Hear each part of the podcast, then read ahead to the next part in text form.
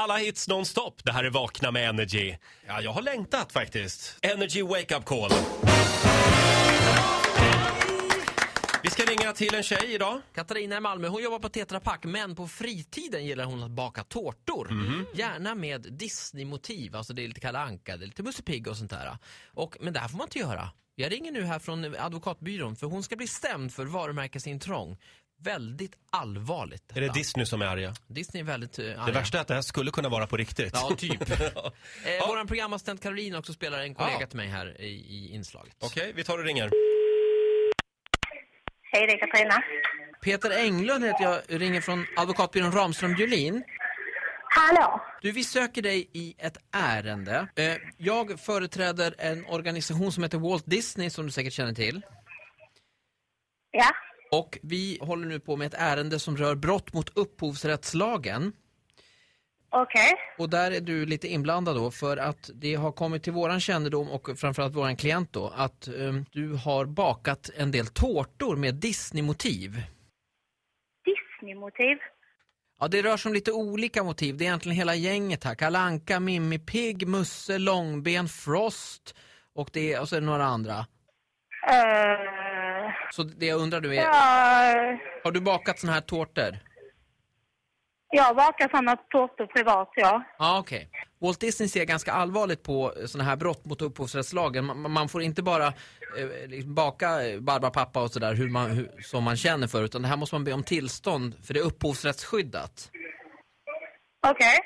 Vilken typ av, eh, kan du berätta lite grann om verksamheten? Nej, det är nog typ tre tårtor. Förlåt, Jag har ingen verksamhet. Det är liksom, det är typ tre tårtor. Eh, Alltså jag har bakat dem rätt privat till, eh, ja, den ena är till min egen son när han fyllde ett antar jag. Att det var. Ja, Och Okej. den andra, så att jag har ingen verksamhet kring det. Ja, okej, okej, Jag jobbar inte alls med det utan det är ett rent eh, intresse okej. att baka. Men, men eh, eh, som du förstår då, så, så när man bryter mot upphovsrättslagen så, så kan det bli fråga om bötesbelopp. Okej.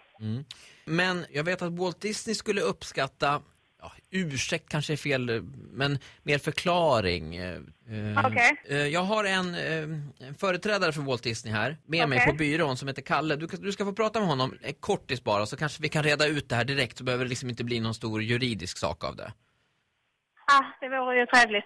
Kalle, kan du ta, om du pratar. Han, eh, han säger här att han är inte så, han tycker inte att det här är bra. Vad tyckte du om tårtorna, Kalle? Nej, de var inte fina. Amatörmässigt gjorda tårtor, tycker du? Är detta någon form av skämt eller? ah, nej. Så här lät det när Ola ringde till Katarina i Malmö var det va? Katarina, man får inte baka så här. Jo, det får man. Stark Kalle Anka-imitation också av, av Caroline måste jag säga. Och just att hon misstänkte, du får prata med min kollega Kalle.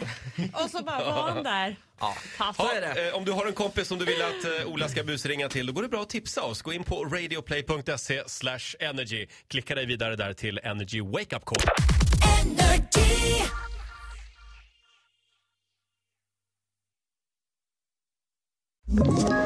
Ett poddtips från Podplay.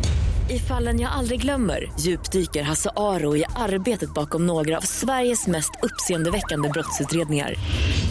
Går vi in med hemlig telefonavlyssning och, och då upplever vi att vi får en total förändring av hans beteende. Vad är det som händer nu? Vem är det som läcker? Och så säger han att jag är kriminell, jag har varit kriminell i hela mitt liv men att mörda ett barn, där går min gräns. Nya säsongen av Fallen jag aldrig glömmer på Podplay.